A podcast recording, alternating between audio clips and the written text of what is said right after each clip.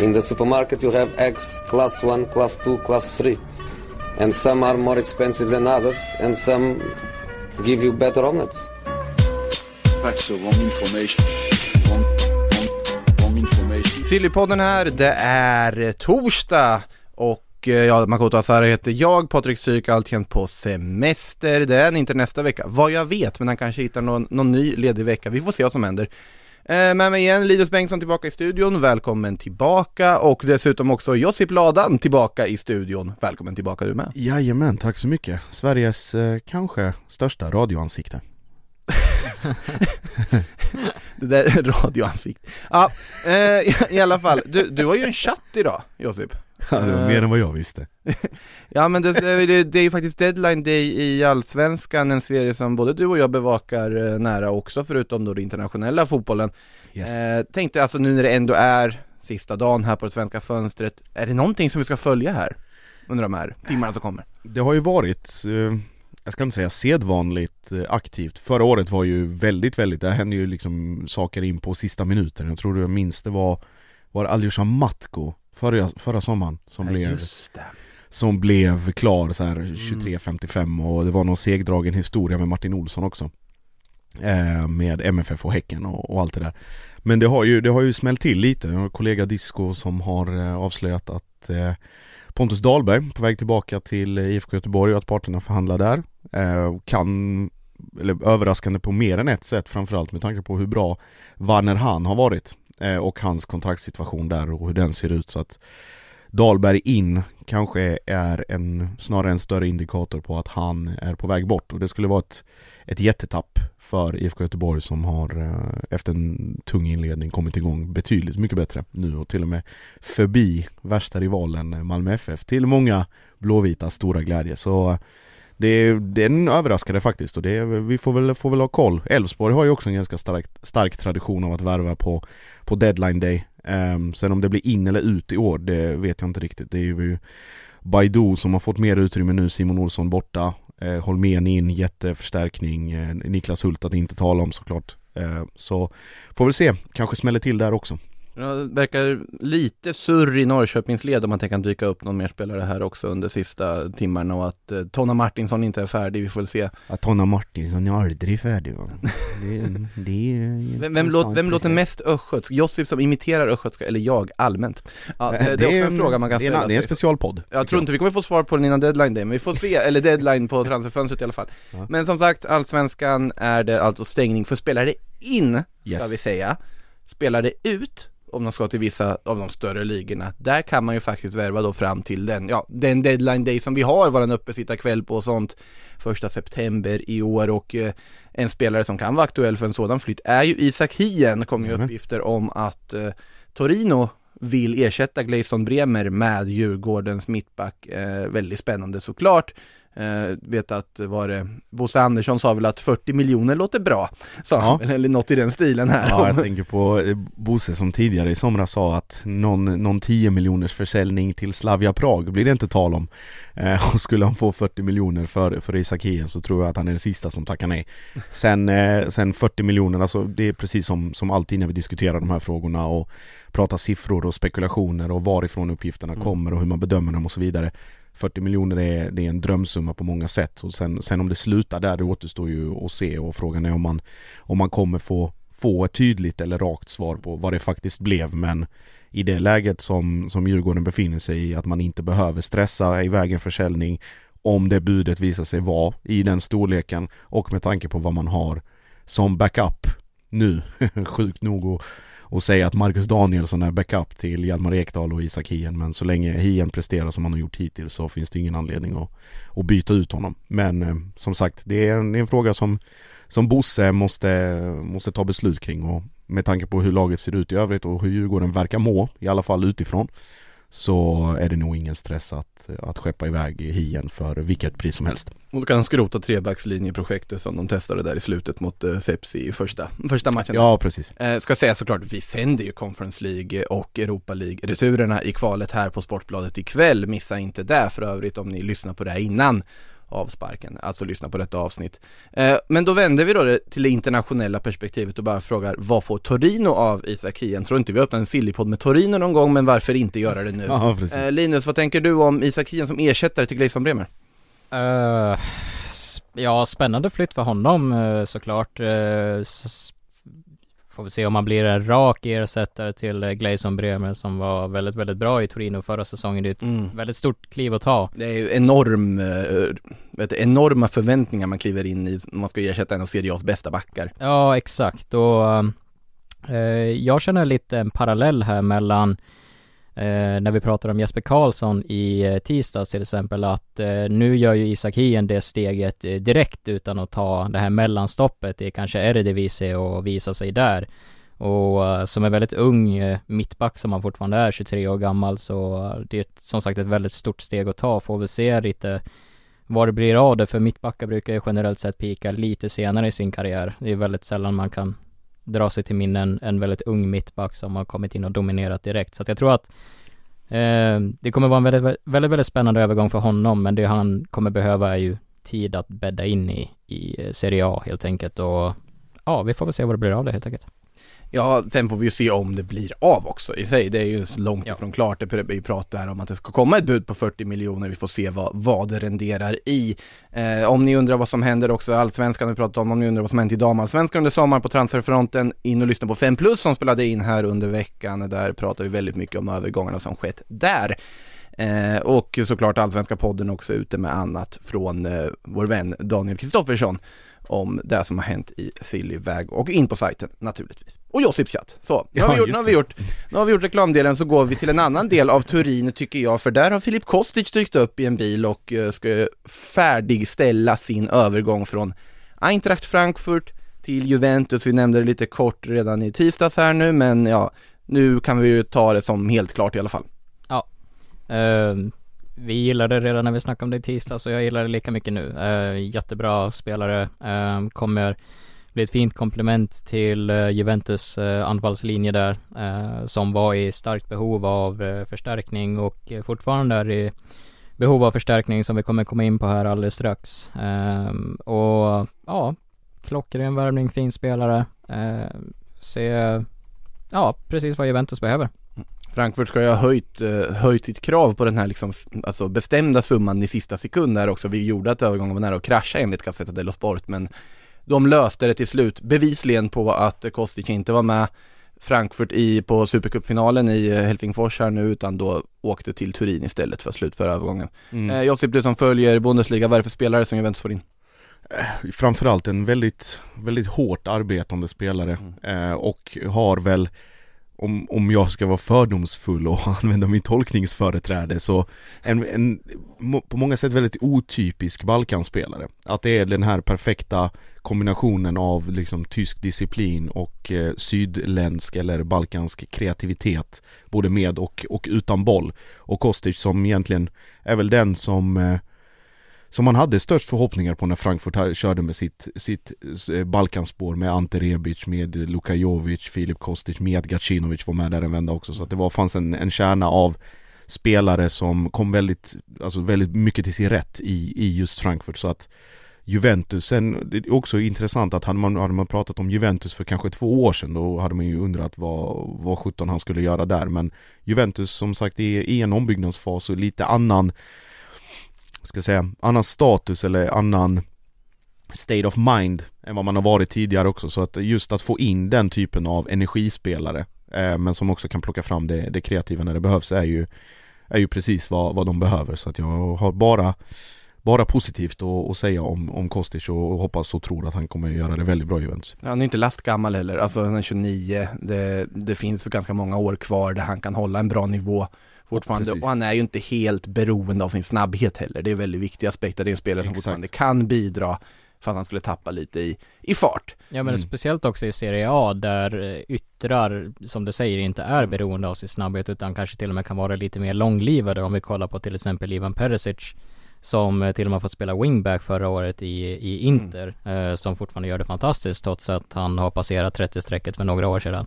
Eh, så jag tycker att det här är en ganska smart värvning av Juventus och det är de här värvningarna som när man föreställer sig Juventus transferstrategi i sitt huvud så är det de här värvningarna de ska göra, de här smarta, kloka värvningarna där man kan hitta fynd istället för att värva in spelare som Aaron Ramsey och ge dem hutlösa kontrakt eh, när man egent, när det egentligen inte finns någon plats för dem i laget. Så det här är klockrent. Han har en tydlig plats i elvan eh, och kommer komma in och ja, som Josip säger att det finns väldigt hög potential i killen.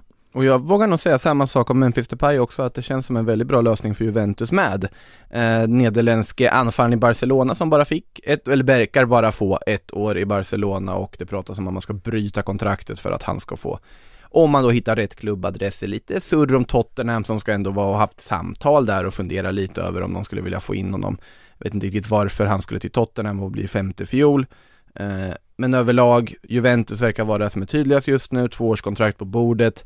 Eh, ja, det är väl klockrent det också.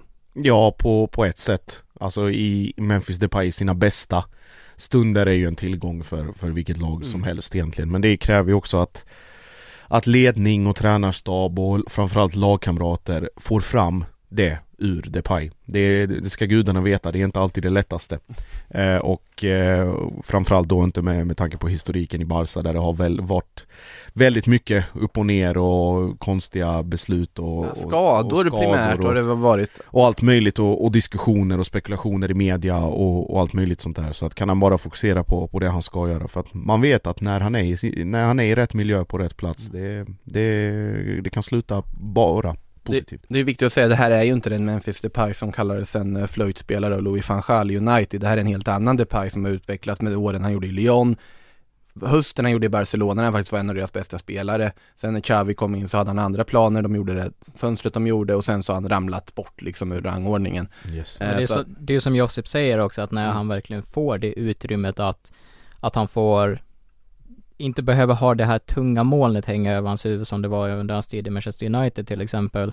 Um, och som det har varit nu på senaste i Barcelona, men när han fick liksom vara inte liksom kanske huvudspelaren i sig, men um, när han liksom bara får fokusera på sin fotboll och göra det som han gör bäst, till exempel i Lyon, visar han vilken otrolig höjd han har. Det är ju en jätte, jättefin fotbollsspelare, uh, som jag tror kommer kunna komplettera Juventus uh, anfall på inte bara ett sätt. Eh, vi snackar ju om om de ska spela 4-4-2 till exempel, skulle vara klockren längst fram med Vlahovic, men skulle man vilja ändra formation så kan han ju spela i vilken position som helst i den där anfallslinjen också. Eh, ja, onekligen spännande och Depay har ju dykt upp på tapeten i och med att Juventus då inte lyckats komma överens med Atletico Madrid om att ta tillbaka Alvaro Morata, en tredje vända, något som ändå har legat väldigt högt på deras agenda.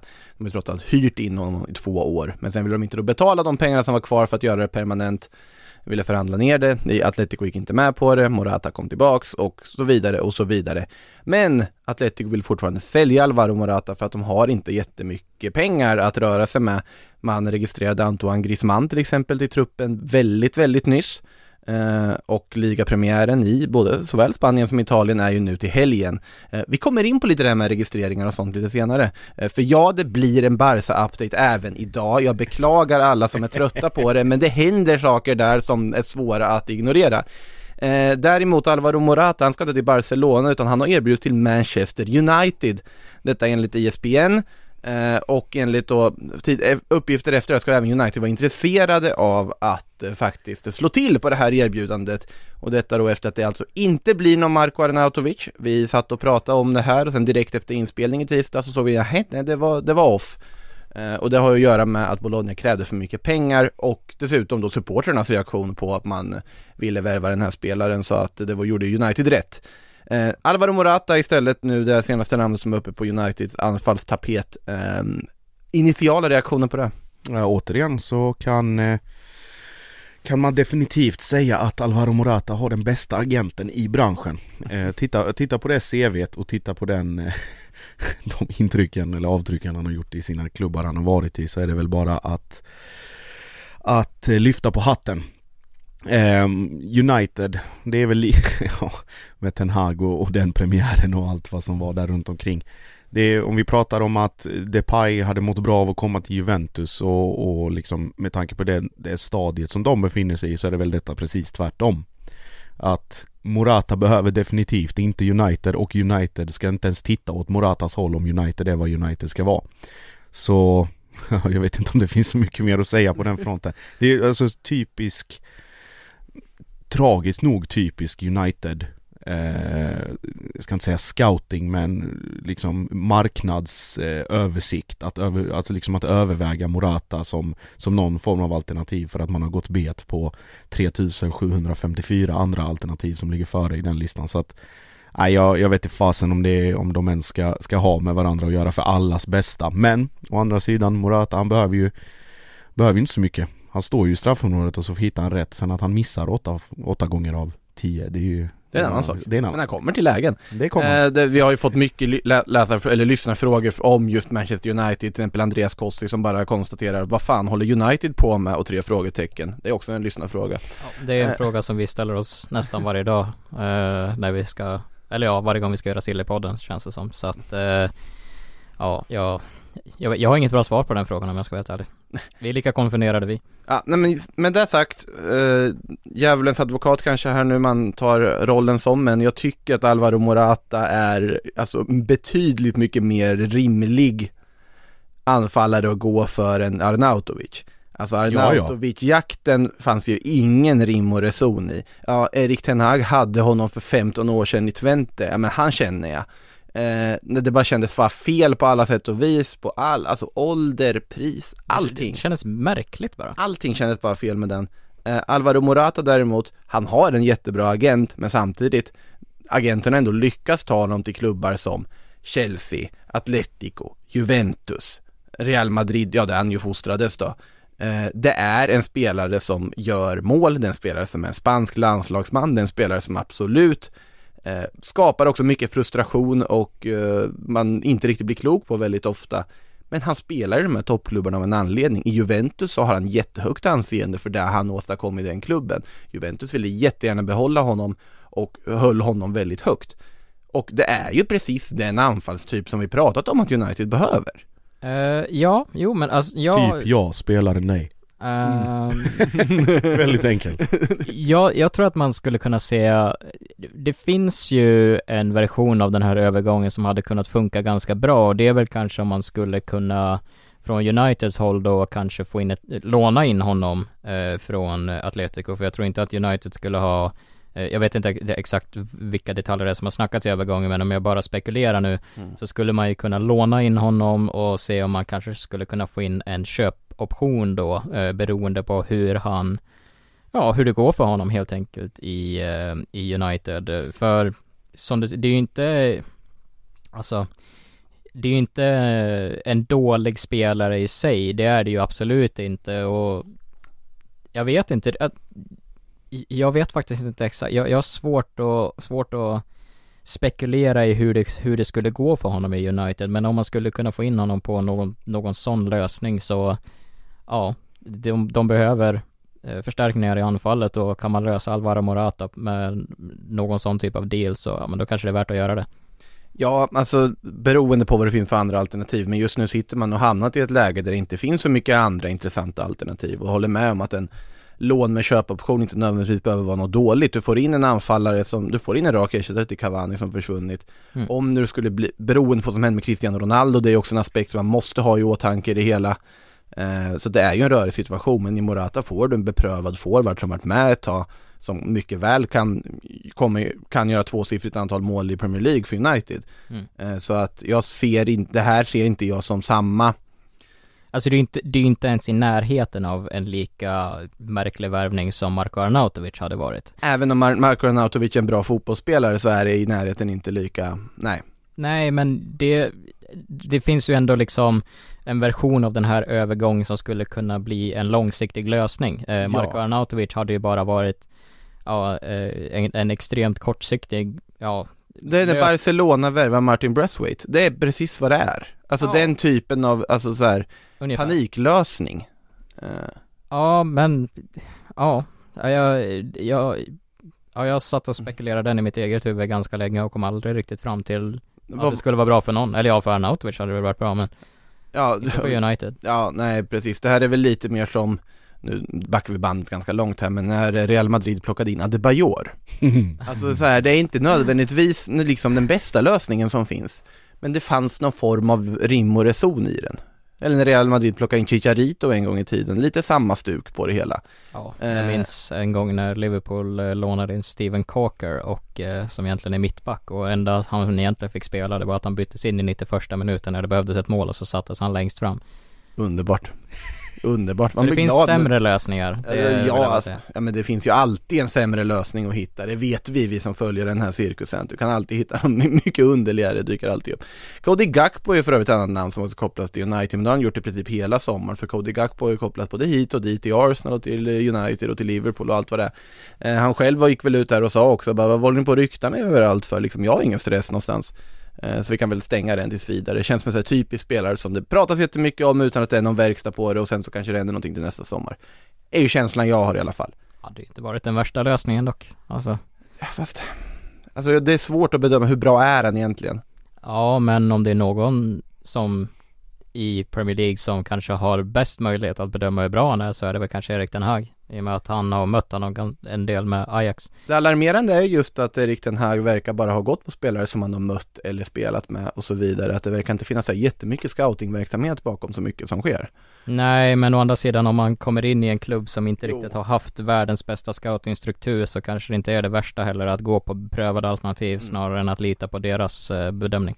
Det, är, det som är intressant med United också det är ju hur eh, Hur klubbar som vars spelare kopplas ihop med United är bra på att salta eh, köpesumman och hur lättvindigt United går med på det oftast. Att det är liksom inte så mycket till förhandling eller prutning på något sätt utan det är mer bara eh, Ja, eh, ska ni ha så här mycket? Ja, eh, absolut det löser vi. Ja fast det är, är det? först att de skickar ett bud, bara, men det låter bra. Och sen Ja. säger andra klubben, nej men vi vill förresten ha 200 miljoner mer. Ja, okej.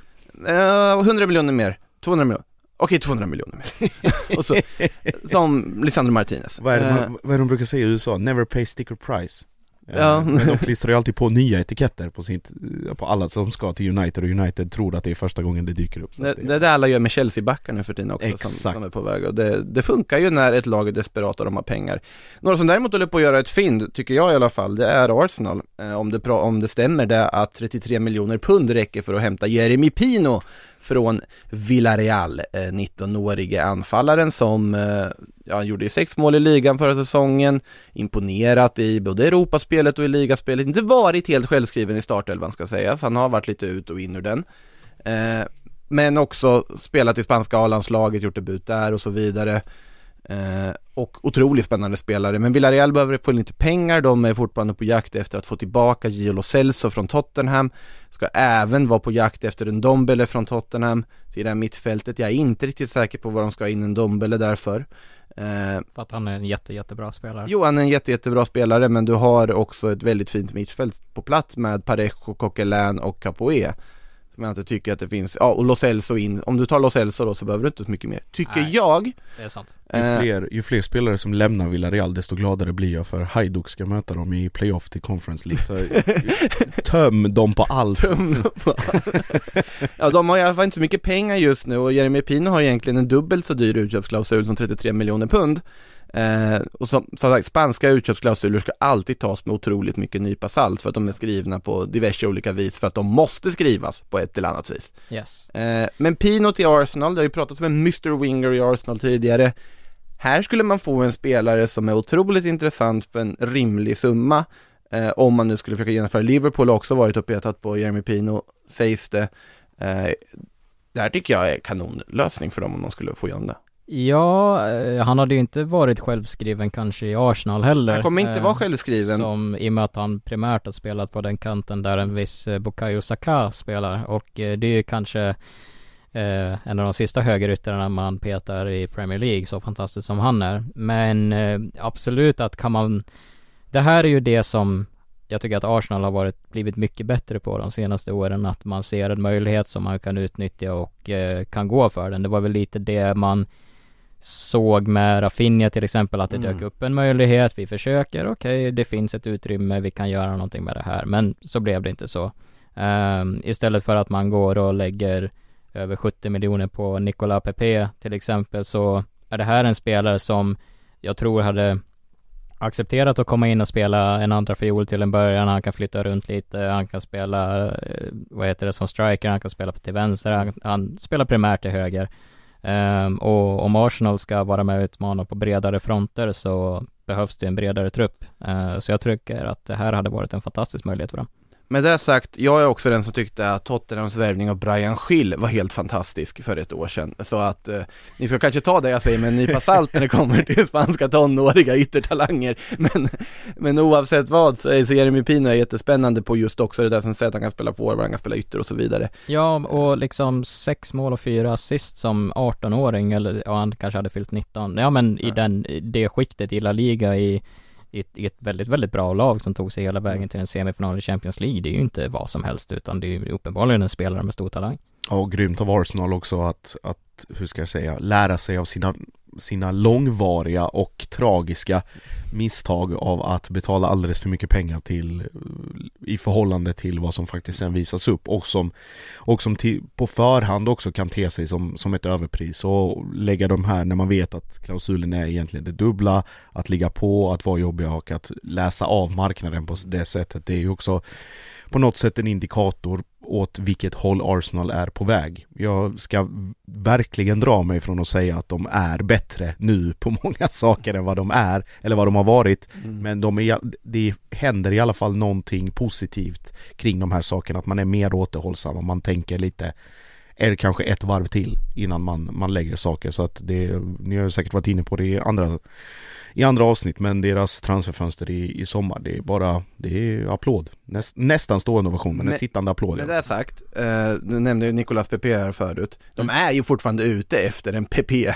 som kostar typ 700 miljoner även den här sommaren. Klart om man ska tro eh, vissa mer eller mindre trovärdiga källor som säger att det finns en portugisisk ytter. Alltså det är alltså inte mittbacken PP utan då yttern PP i Porto, 25 år gammal, som man ska ha lagt något bud på och eh, då vill de ha 700 miljoner. Uh, det ja, får kanske, vi hoppas att de inte gör. Jag kanske får ta tillbaka allting jag precis sa. ja, ja. Men om, om, vi, om vi ignorerar det som Makoto precis sa här så skulle jag ändå som, om jag hade varit Arsenal-fan ändå varit eh, relativt optimistisk eh, för sett till vad vad min klubb eh, höll på med. Eh, för eh, man har gjort det som, Arsenal har ju en av världens bästa akademier, det finns det ju inget snack om.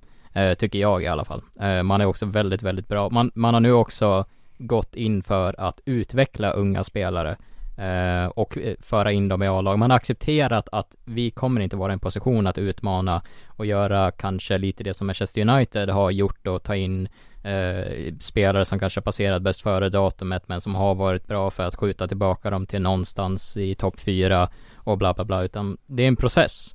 Eh, och jag tycker att eh, Jeremy Pino hade varit eh, en, en fin del, eh, en fin del i det pusslet. Ja, eh, onekligen så. Vi får se vad Arsenal litar på. Nu har de ju säkert jättemycket eh, framtidstro i och med att de, de vann premiären också. Så nu är ju allt frid och fröjd tills det kommer någon. Och var riktigt bra också för den delen tyckte jag. Jag tyckte att de spelade Inte bra. i andra halvlek Nej men jag tyckte att relativt stabilt och det är liksom så här, de har Som sagt, det är fortfarande unga spelare det handlar om som måste fortsätta eh, utvecklas och få mer erfarenhet. Mm. Alltså det var Salibas första match i Premier League var det ju, eh, om jag minns rätt, i alla fall sedan han kom tillbaks Ja det, det, det var det, det var Ja exakt Um, och visst att han, det kommer ta lite tag för honom att liksom spela in sig där men Sinchenko såg riktigt bra ut som jag tycker Uh, ja, har ju uppenbarligen visat vad han kan i Manchester City. Han kommer ju förmodligen bara ta en ännu större och bättre roll i, i Arsenal. Uh, Saka var bra, Martinelli var bra. Uh, Jesus var jätte, jättebra tyckte jag, så att jag tycker att det, det finns mycket att vara positiv uh, över i Arsenal. Onekligen så just nu, vi får se hur säsongen fortlöper. Samtidigt Chelsea, en annan del av London, har fullt upp ett lag som vi pratar ganska mycket om på sista tiden, förklarar jag skäl för att de just har fullt upp. Wesley Fofana som sagt, där fortfarande finns ett intresse.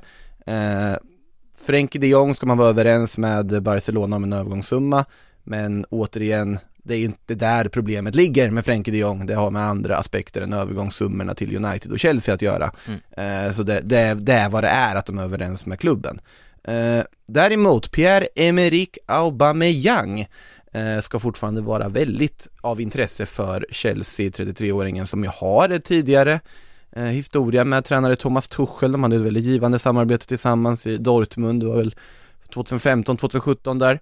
Eh, och eh, Tuchel ska ha, sägs då, enligt Fabrizio Romano, ha gått till eh, Todd Bowley och sagt att honom ska vi ha, honom vill jag ha, det är den perfekta forwardsvärvningen för oss här och nu. Eh, ja, vad säger ni om det? Tycker ni att det är den perfekta forwardsvärvningen?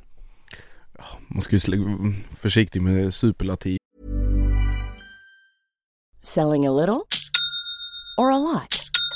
Shopify helps you do your thing however you cha-ching. Shopify is the global commerce platform that helps you sell at every stage of your business. From the launch your online shop stage to the first real life store stage, all the way to the did we just hit a million orders stage.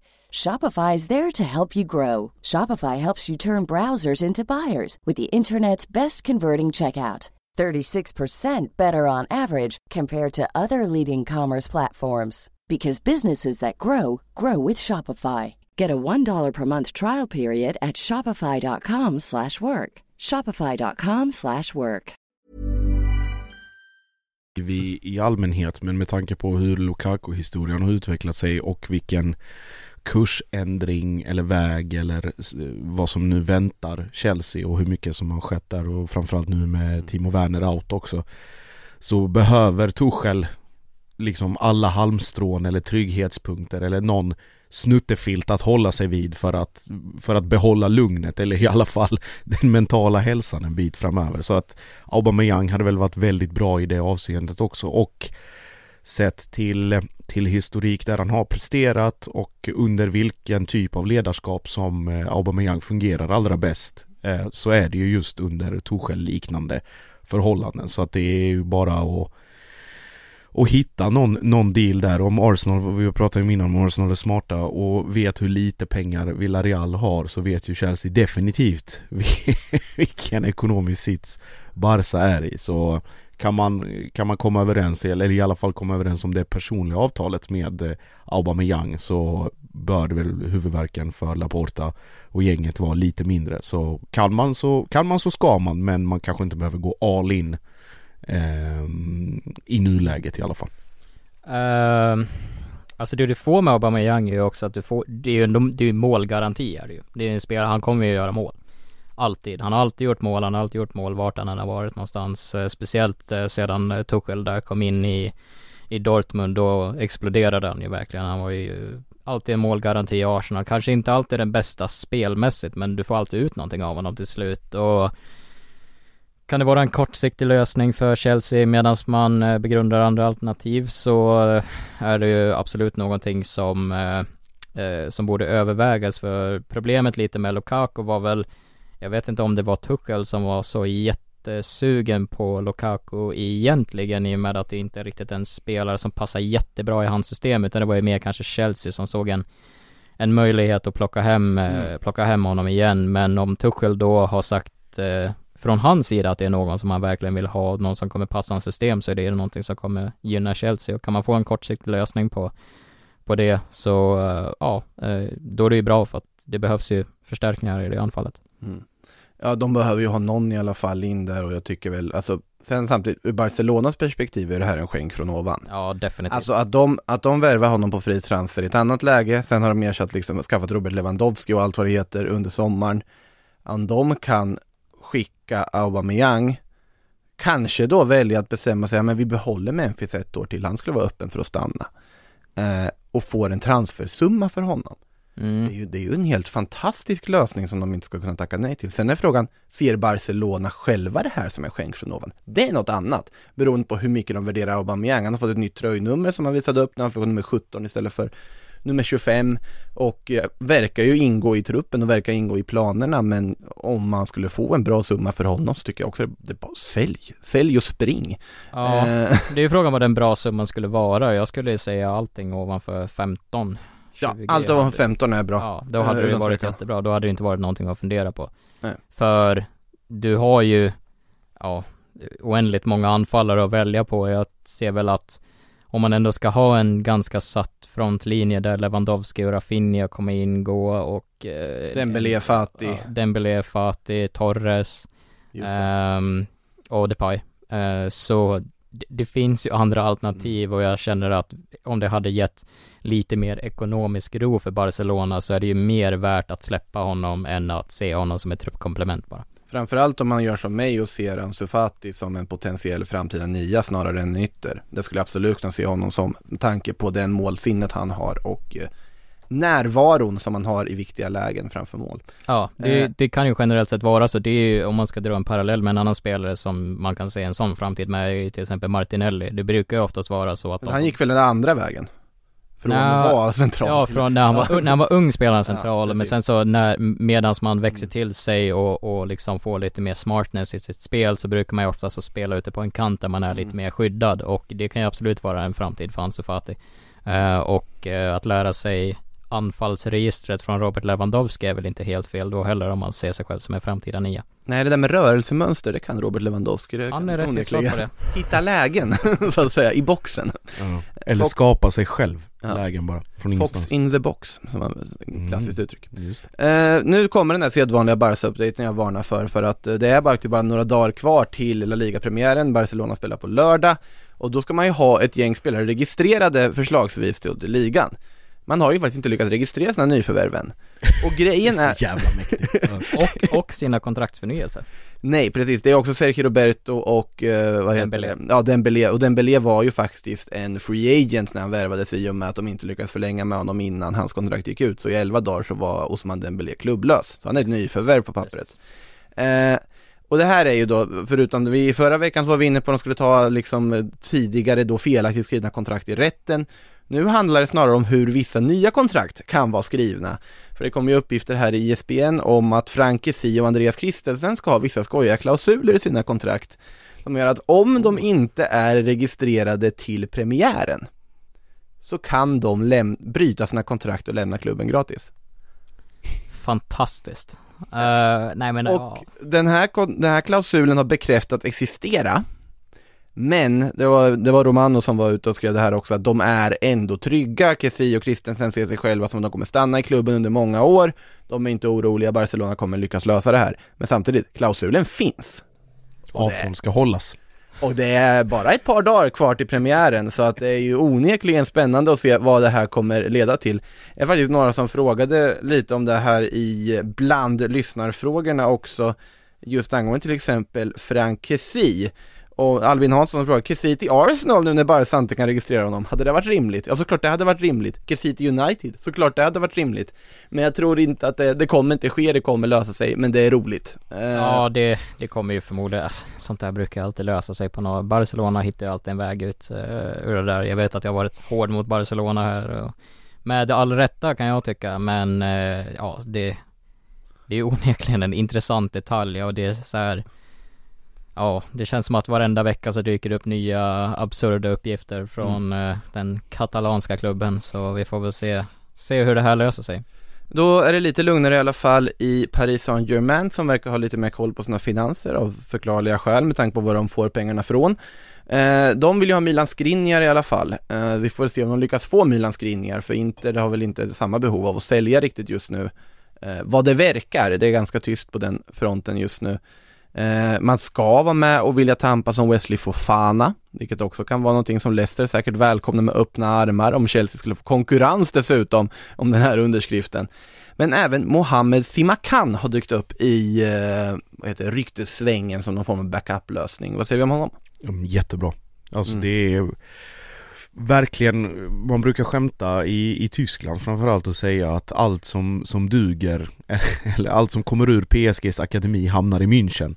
Och det har väl varit ett, ett spår som har varit etablerat där, men skulle PSG plötsligt bestämma sig för att titta i Bundesliga efter förstärkning så är ju Simakan en eh, superspelare. Eh, och som har bevisat under lång tid i, i Red Bull eller Leipzig att han har varit varit en av de bärande spelarna och bidragit med väldigt mycket både på och utanför planen så kan man, göra, kan man lösa det för en med PSG-mått mätt väldigt billig peng så, så ska man absolut gå för det.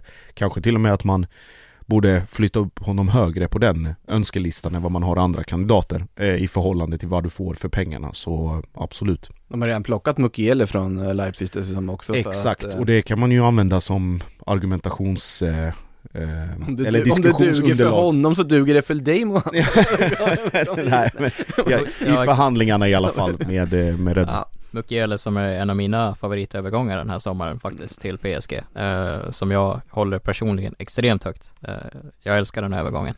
Kan inte prata nog om den men eh, Simakan, eh, ja alltså det hade ju varit, ja det hade väl varit en klockren värvning. Han, han, har ju, han har ju visat att han håller på att han ändå har fyllt luckan väl när Upamecano har försvunnit, när Konate har försvunnit. Han kom ju in lite som en ersättare till de här också. Och det är ju inte vilka spelare som helst du ersätter. Nej, och han och Guardiol, det finns en anledning till att det pratas, Simakan pratar ganska mycket mindre om än just Guardiol. Mm. Men samtidigt, de har ju gjort det väldigt bra och Leipzigs scoutingverksamhet och hur de sköter sin klubb, det har vi pratat om förut, att de är ju, det är ju top notch på det de sysslar med. Att de otroligt skickliga på det de, det de håller på med. Sen ska det ju också ge resultat på planen, vilket jag väl inte tycker att det kanske har gjort alltid än. Eh, förra säsongen var väl en ganska stor liksom, eh, alltså de känns som att de stannat upp lite överlag i sin utveckling. Eh, är känslan jag har haft. Men vi får se vad som händer med Simakan här i alla fall. PSG som numera får anses vara väldigt så här Luis Campos fotbollshipstriga när de ska värva spelare på ett helt annat sätt än vad de varit förut. Det kan ge resultat. På ett Eller så- bättre sätt eh, överlag måste man ju verkligen säga. Ja det vet vi ju inte än. Alltså Nej, det har absolut har sett jättebra ut. På, för, på förhand, alltså om man bara kollar på pappret, vilket är ju det enda facit, eller vi har inte ens ett facit, men det är det enda vi har att gå på just nu, men på pappret så ser det ju mycket mer spännande ut än vad det har gjort de senaste åren värvningsmässigt i alla fall. Ja, ja, och Fabian Ruiz verkar också vara på väg in där. Man har ju sett honom ha en väldigt, alltså Galtier som har kommit in och tränare också, man har sett en väldigt tydlig eh, startelva här under de första matcherna under säsongen, både i cup eh, Supercupfinalen och även i ligapremiären där när man har spelat eh, trebackslinje som man har börjat implementera med eh, ja, Ramos, Kimpembe, Marquinhos, den är ju helt okej eh, onekligen. Du har fått in Vitinha på mitten där med Verratti, Sarabia som verkar ingå i planerna i år också som har spelat tillsammans med Messi och Neymar när Mbappé har varit skadad. Mm. Eh, vilket också är intressant, han har faktiskt gjort en strålande säsong i Sporting i Portugal. Jag brukar alltid sitta och håna Sarabia här men det, han har faktiskt gjort det bra i Portugal och nu får han faktiskt möjligheten i PSG också. Ja. Men Simakan eller om det nu visar sig att det blir Skriniar hade ju definitivt där gått in och tagit eh, eh, Kim Pembes plats. Eh, Ja och då ska, och då går Kimpembe till Chelsea då. ja, ja det hade ju varit, Men om Chelsea inte har hunnit slå transferrekord för att ta Fofana innan dess. ja, Ja, det, det, det går ju att diskutera också men det hade ju varit eh, plus, enormt plus för PSGs del och minus för Chelseas del. Jag tycker inte riktigt, jag håller inte Kim Pembe riktigt lika högt som alla andra är. jag kommer dock inte göra någon form av bedömning av PSG och hur bra de är förrän vi kommer till våren när de ska spela Champions League-slutspel. För det, vi vet att PSG alltid kan implodera. Eh, Ja. Och de lär implodera även denna säsong. Men fram till dess Förr eller senare. känns det pikt och spännande och nytt. Eh, Manchester City, de brukar också lyckas, inte, kanske inte implodera, men de har väldigt svårt att ta sig hela vägen till den där Champions League-trofén som de trånar efter, även om de också ser mycket starkare ut den här säsongen. Vart ingen Marco Correa, men däremot så verkar de ha gjort klart med Sergio Gomez, tidigare Barcelona och Borussia Dortmund-produkten som Så, så jävla uppfriskande med någon som går till City som inte kostar 3,5 triljard kronor Fan vad skönt Vad kostar han? 10, alltså Mellan 10 och 10-15 15. miljoner euro ja. Ja. Bara så här piggt. Men samtidigt också, de värvar en spelare för 10-15 och då kommer direkt den här lilla fotnoten.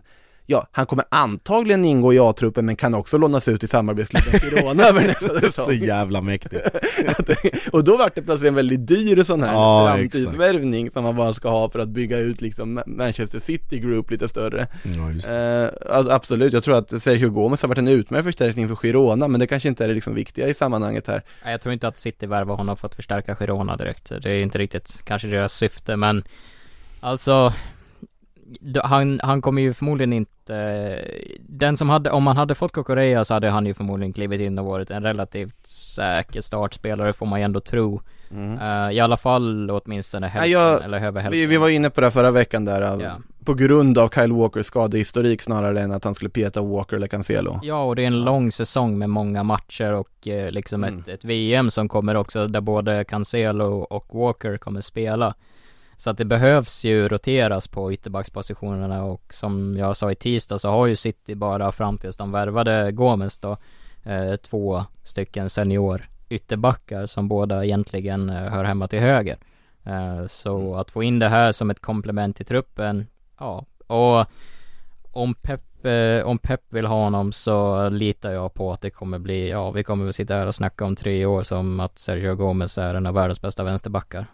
Alltså jag tror ju i och för sig att det inte nödvändigtvis är så att han kommer att ha så här jättemycket speltid, för det finns ju också andra spelare som kopplar samman andra vänsterbackar. Det finns ju uppgifter om Rafa Guerreiro. Den hade varit spännande. Den hade varit helt klockren. Ja. Alltså för dem, det är precis den typen av spelare de skulle, alltså det är lite läskigt att tänka på hur bra Rafa Guerreiro, om man skulle få en nytändning, skulle kunna vara i City på den kanten. Herregud, Kan tänka dig? Eh, så att om de skulle lyckas lösa honom säger vi, då kan de mycket väl skicka Sergio Gomez till Girona, låta han göra sin låneår där. Sen till, så har han ju varit fantastisk i La Liga och så tittar typ Atletico och Sevilla på honom. Kanske, kanske låna honom till Sevilla eller någonting vidare och så har du höjt värdet på honom gånger tre om några år och säljer honom till ett eh, desperat Atletico eller till Tottenham som behöver ännu en ny wingback eller vad det nu kan vara. Och det är ju också smart, det är också smart business. Det är ju det här vi har snackat om men med till exempel Barcelona som, som kanske inte har gjort så bra att man plockar in spelare och så ska man se liksom som, ja de kanske kan tillföra något litet, eh, lite kort eller någonting sånt. Men sen så, det kanske inte är världens mest långsiktiga, men då säljer man vidare honom och så får man in 10 miljoner där eller någonting sånt liksom. Man gör 10 miljoners eh, vinst på den affären som man gjorde och så, det är ju det som, ja, Liverpool till exempel har varit jättebra på, City har varit jättebra på, Real Madrid har varit bra på, till exempel att man dels de egna produkter men även liksom spelare som man kan fynda och, och, och sen sälja vidare. Uh, så att, alltså det är väl kanske inte den hetaste övergången den här sommaren men långsiktigt så kommer det säkert bli bra. Mm. Eh, så är det. En annan övergång som väl, alltså den här är ju inte bekräftad än, men någonting som är bekräftat är att Napoli har hittat en ny målvakt. Men det blev inte Kepa. Det blev inte Keylor Navas. Utan den eh, Nuna som eh, presidenten Aurelio De Laurentiis tweetade ut, ja det var på Salvatore Sirigo, den gamle räven. Det här sammanfattar Napoli som klubb. Det här sammanfattar ledningen och precis allting som har med den klubben att göra just nu. Det är ovärdigt. Alltså, det, vad fan ska de sitta med Sirigo för? Ja men allvarligt talat, det, det Ingen där vet vad, vad, vad överhuvudtaget vad de ska ta vägen. Det är liksom hanteringen av Mertens och Koulibaly och alla de här grejerna det har vi varit inne på tidigare. Men att sitta och prata om, om Sirigu som ska liksom säga åh nu ska De Laurentiis ut. Ja. Ja. Ehm, Gå, byt, byt ämne, gå vidare. Gå vidare. Jag kan väl bara säga att det kanske inte är den mest inspirerande värvningen. Ehm, som Napoli hade kunnat göra på målvaktssidan. Jag säger också att det är upp till bevis för våra poddmickar för att se om de plockade upp Josips eh, initi- Ja det liksom- gjorde de. Det, Ja, va- vackert. Nu, copyright bekymmer sen på det. Eller jag vet inte Nej, det. det är väl en, jag tror det är någon viss eh, gräns. Ja, det är så. Jag tror du, någon viss sån... Jag kan inte sånt här, men det blir säkert jättebra. Det blir skitbra. Det går att Eh, klippa annars. Det blir nog kanonbra. Lägg, lägg in en på där det står att vi, att vi spelade för, um, for the record, Benny Hill theme song. Så kan folk googla nu, på nu, nu, nu går vi vidare till Nottingham Forest istället. Ja, du var taggad på att prata Nottingham här, Nej, eller? inte direkt men vi måste röra oss vidare från Josips ilska här. Jag, jag tyckte det var väldigt underhållande. Ja, det var väldigt Eh, och, bra, det, och, det, och det jag håller med om att det sammanfattar Napoli denna, denna transfersommar. Så det, det jag säger inte emot. Eh, Nottingham däremot, de, det, det är lite, vad heter det, High Chaparral över vad de gör också den här sommaren. Men det känns som att det är High Chaparral med riktning. Alltså de, de vet vad de håller på med, de, var länge, de vill ha en vänsterback i alla fall, det kan vi konstatera. Eh, Alex Moreno var de väldigt länge ute efter, men Alex Moreno sa jag stannar i Betis och det var ju kul för Betis del. Eh, då har de gått en annan La Liga vänsterback, nämligen Pervis Estupinian från Villarreal. De ska även vara intresserade av Remo Freuler från Atalanta och ja, det är bara att lyfta på hatten på att Nottingham vet precis vad de håller på med tycker jag. Och det är de till och med Here We Go på Remo Freuler. Kom den nu? Ja, En timme sen här på, Ja, men du hos, ser. hos vår vän Romano. Ser man på? 9 miljoner euro. Det är ju en superlösning för dem. Mm. Alltså de behöver en mittfält, de har värvat Orel Mangala, de får in Remo Freuler. Eh, de hade ju en väldigt, alltså svajig elva i premiären, det får man säga. Men det är ju för att de inte har fått in de här nyförvärven än, riktigt. Ja, det gått med lite flair. Alltså säga vad man vill om eh, Marinakis-familjen eh, och den historiken som finns i Olympiakos. Men gått med lite flair av Sydeuropa även i, i Premier League och just Nottingham som lite Newcastle-vibbar att man går på lite allt möjligt och blandar sina spår högt och lågt men samtidigt när man väl bestämmer sig så är det liksom allting är resonabelt, det är rimligt, det är prissättningen är okej, man man skjuter må hända brett men man splashar inte allt man har på, på liksom vad som helst Mm. utan det, det är uttänkt när det väl blir skarpt läge så det är bara att applådera.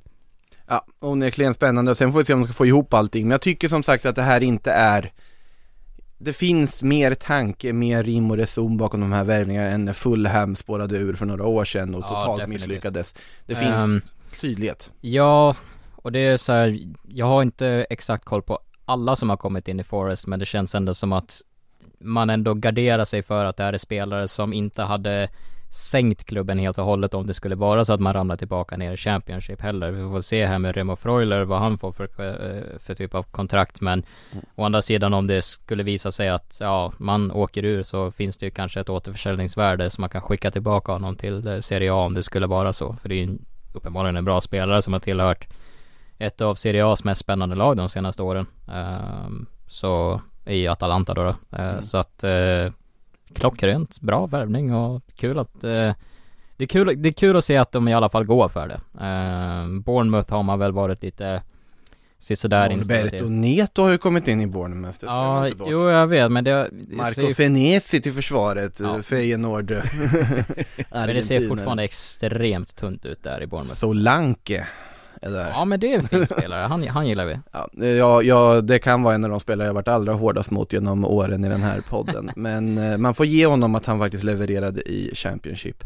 Ja det Eh, vi- ska faktiskt ta en, eh, du nämnde lite där om avtal och kontrakt och sånt, vi ska nämna ett här innan vi går in på lite frågor.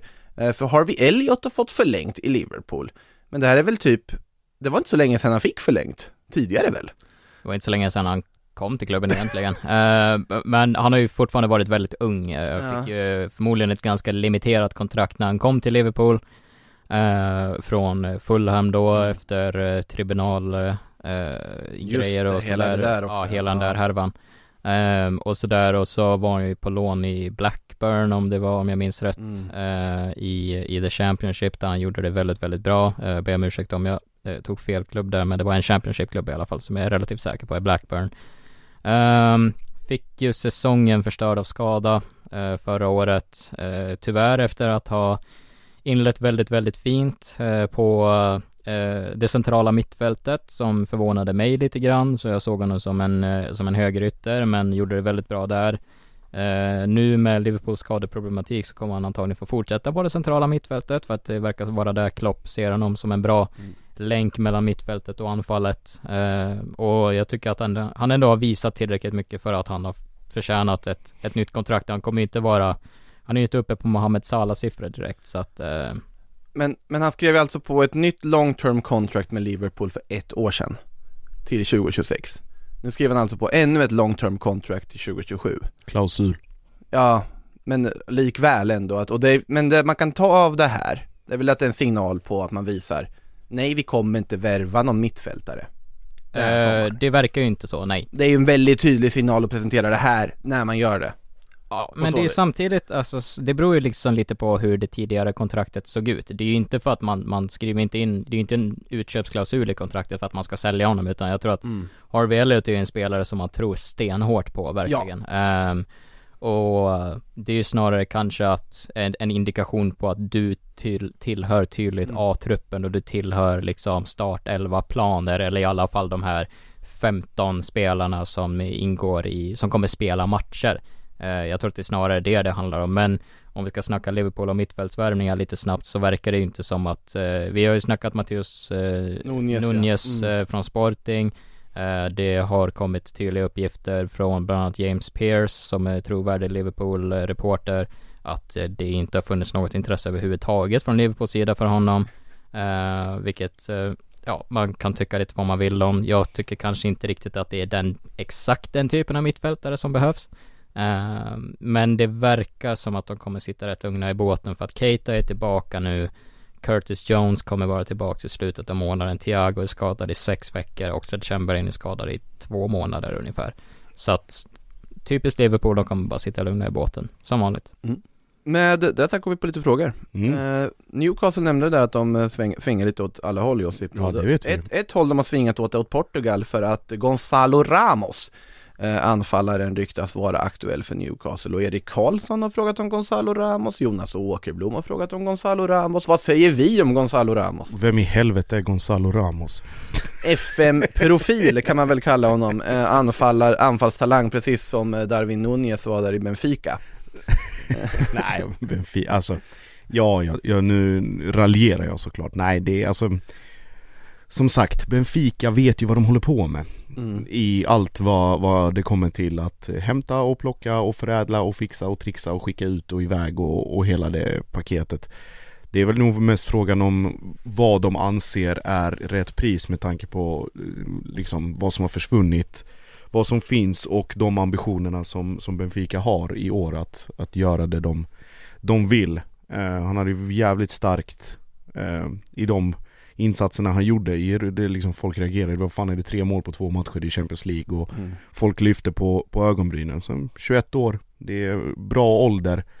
Optimal egentligen för att kanske stanna kvar ett år till, göra, göra den här CL gruppspelsgrejen, kanske ett avancemang vidare till någon, till någon åttondel och sen kanske höja sitt värde med 30-40% Benfica skitnöjda och sen så, så går man vidare. Ska se här bara så att jag har koll på hans, ja han har också kontrakt till juni 2026. Eh, så, Och eh, Benfica är ju inte direkt i behov av att sälja efter Nej. de pengarna man har fått in för Nunez till exempel. ja exakt. Det lär kosta. Det lär kosta andra ja. det. Eh, det, det, lär det, kommer, det kommer inte vara en gratis värvning, det kan vi nog konstatera, men det är en spännande spelare och jag tycker fortfarande det är rätt hylla som Newcastle tittar på när man tittar på Gonzalo Ramos, det, det måste jag säga. Eh, vi ska se här, eh, Frans Bergholt frågar, gör Leicester någon värvning och i så fall vem tror ni Wesley Fofana säljs och vem blir då hans ersättare?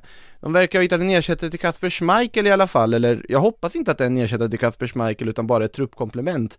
Men de verkar göra, vara nära att göra klart med 32-årige Alex Smithies eh, som har spelat eh, andra fiol i Huddersfield tidigare.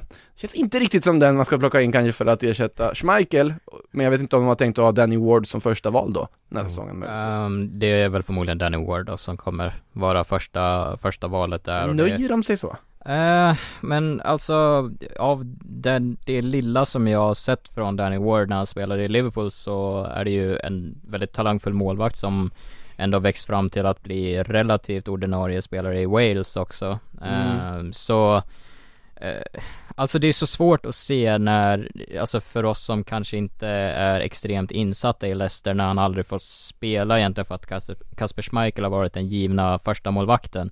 Det är svårt för oss som inte är med på träningsanläggningen att bedöma hur bra en andra målvakt är, men om Alltså Leicester är ju ändå bra på att identifiera talanger Och de sätter, det är ju inte, det är inte dåliga lag de har satt på banan. Och tror man på Danny Ward som första målvakt Då kommer det bli ett, ett komplement där med Smithis som du säger, som en backup-målvakt. Nu var han ju faktiskt i och för sig i Cardiff senast, Smithies, och ingen annanstans, men han är ju fostrad i Huddersfield. Ja ah, okej, ja men, ja exakt. För, för, eh, vad heter det, protokollets skull. Ja, Shit vad mäktigt, du var född 90 och sen bara aldrig spelat i Premier League, tillhört en Premier League-klubb och sen bara, nu ska jag till, skiter jag i det här, Han, han, han har faktiskt, han var med i Cardiff-truppen när de var i Premier League. Exakt, med noll insatser Ja, men han gjorde en fa får se här. Eh, Alex Smithies, vilken kung! ja. vilken kul. Men det verkar ju som att Leicester då kommer gå på Danny Ward och eh, om man inte hittar en, en, en annan målvakt som kan kliva in och ta den startplatsen direkt så tycker väl jag personligen kanske inte att det är världens sämsta val att förlita sig på. Alltså han är ju en fullgod målvakt. Om man är en fullgod målvakt för Wales så då har han ju förmodligen en plats i Premier League. Han har också spelat i Huddersfield på lån en gång Danny Ward. Det minns jag. Alldeles för mycket Huddersfield i den här Just podden nu Ingen fel på The Terriers. eh, ska vi se vidare här då lite i frågorna. Eh, vi ska se vad som händer här. Just det, vi får fan angående det där. Jag tror faktiskt att de kommer att sälja honom och få rätt bud. Ja. Om man får ett sanslöst bud på 80 miljoner pund så ta pengarna och spring för Ja, guds skull. spring och göm dem, gör vad som helst liksom. Ja, Byt gräv, identitet. gräv ner alltså. dem i Leicestershire någonstans. Ja, Eh, ja det, är, det är helt makalöst om de får det. Eh, det tycker jag utan tvekan också. Ja. Uh, Fed frågar här tankar om Iker Bravo som uppges vara klar för Real Madrid. Pratar vi om en 17-årig talang. Då säger jag att om han spelar som Iker, som man kopplar till Real Madrid, då blir det väl kanonbra. För att han är inte målvakt, men i alla fall. Det är ett namn som har goda konnotationer till Real Madrid. Bravo, med Raúl Bravo i åtanke. Det är inte lika bra konnotationer till Real Madrid, så vi får väl hoppas att det är som förnamnet han levererar då i framtiden. Ja, och och eh, måste också fokusera på att spela fotboll, inte hålla på och fjanta sig med andra dumheter utanför planen. Som en viss Raúl Bravo gjorde menar du? Ja, som, en, som Iker Bravo själv uppenbarligen håller på med också. Är det slå, så? slå sönder hotellrum och bli tillkallad med polis och alla Bayer Leverkusen-talangen. Ja, exakt. Ja, det låter väl inte som någonting man ska värva. eh, onekligen 17 år gammal. Ja, Eh, så pass alltså, det hade jag ingen aning om. ja. Eh, Valencia-podden frågar Valencia Alalim tack. Vill ni verkligen höra om Valencia Alalim? Det är svårt att se, det känns som så här självskadebeteende att prata Valencia, eller för Valencia-podd och be om att vi ska prata Valencia. Eh, Gonzalo Guedes är såld. Ja, det är väl lite där man är. Ilash Moriba vill man ju nästan ha tillbaka här, men det säger att Crystal Palace ska in och försöka peta Peta på den övergången möjligtvis. Det hade varit spännande att se Ilash Moriba i Premier League för övrigt. Eh, ska vi ta någon mer fråga innan vi, innan vi rundar kör på, av? Det kan vara på. trevligt. Eh, vi ska se vad som vi har mer. Eh, du, du, du, du, du, du, du, du. Jakob Ingessons fråga kan vi ta. Eh, varför tittar inte en klubb som United på Neves från Wolves? Känns som ett fantastiskt tillskott på mittfältet. Hade inte kostat överdrivet mycket heller, är min uppfattning. För att han hade väl kostat han hade överdrivet kostat mycket. överdrivet mycket, det Ja. är det som är problemet. Med tanke på att de vill ha en miljard för han. Eh, ja, exakt. Uh, slutsumman hade väl antagligen inte landat på det, men det hade ju varit över 60 miljoner i alla fall och det är inte, det är inte en tillräckligt bra spelare för att du ska lägga de pengarna på. Alltså, Ruben Neves är, alltså en fullgod Premier League-mittfältare. Uh, jag kan väl tycka att han är lite, alltså, han, han är inte på Uniteds nivå för att man ska lägga de pengarna. Eh, definitivt inte. Eh, men, ja, det, det, hade varit en panikvärvning i så fall, eh, bara för att det, är en spelare som jag i alla fall, man tänker i sitt huvud att han är fantastisk, men alltså han är, han är, han är helt okej. Han är inte värd en miljard. Han Så är mycket kan vi säga. absolut inte Nej, värd en det är miljard. för hög prisbild för att det ska vara intressant skulle jag säga. om man ska lägga de pengarna på en mittfältare istället så är ju Milinkovic Savic mycket bättre spenderade pengar. Ja, sen bör- kommer inte han kosta en miljard i år. Även Nej, om nej, han alltid men- kostar en miljard, men det är en annan sak. Ja, men Eh. eh, jag tror att man hade kunnat få båda de spelarna för relativt snarlika summor. För Wolves behöver inte pengarna och de kommer kräva en hutlös Sergej hade varit billigare tror jag. Ja, det tror jag också faktiskt. Och bättre. Ja. Lämpad för det som United behöver. Verkligen.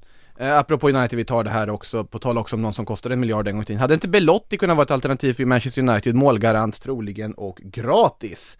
Eh, det ligger i samma kategori som eh, Arnautovic, eh, Mm. konstaterar dock att gratis är bättre, gratis är gott. Så att ur här han hade ju inte, han, ja exakt, men han hade ju inte varit gratis, det hade ju, om man ska ta honom han ska gratis ha en lön, Han ska ha en lön och han hade nog krävt ett långt, ja, mat på bordet. ja det också, men han ska ju, han hade ju krävt ett långt kontrakt också dessutom Det hade inte varit, jag tror att han hade gjort det, det Om, hade, Belotti skulle få United serverat på ett ettårskontrakt så skulle säga nej.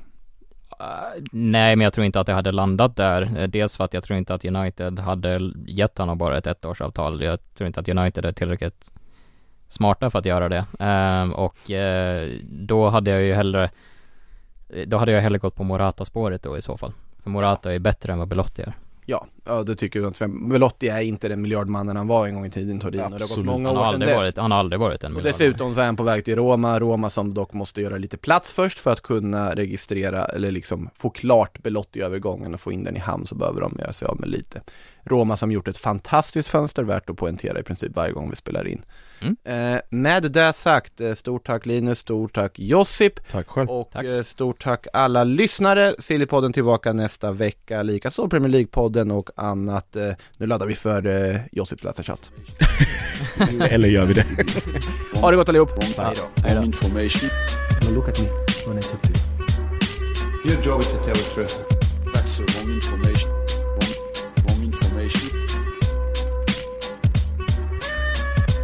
Not gonna have you trusting everything I say. Twist, trust, trusting everything I say. So make that clear.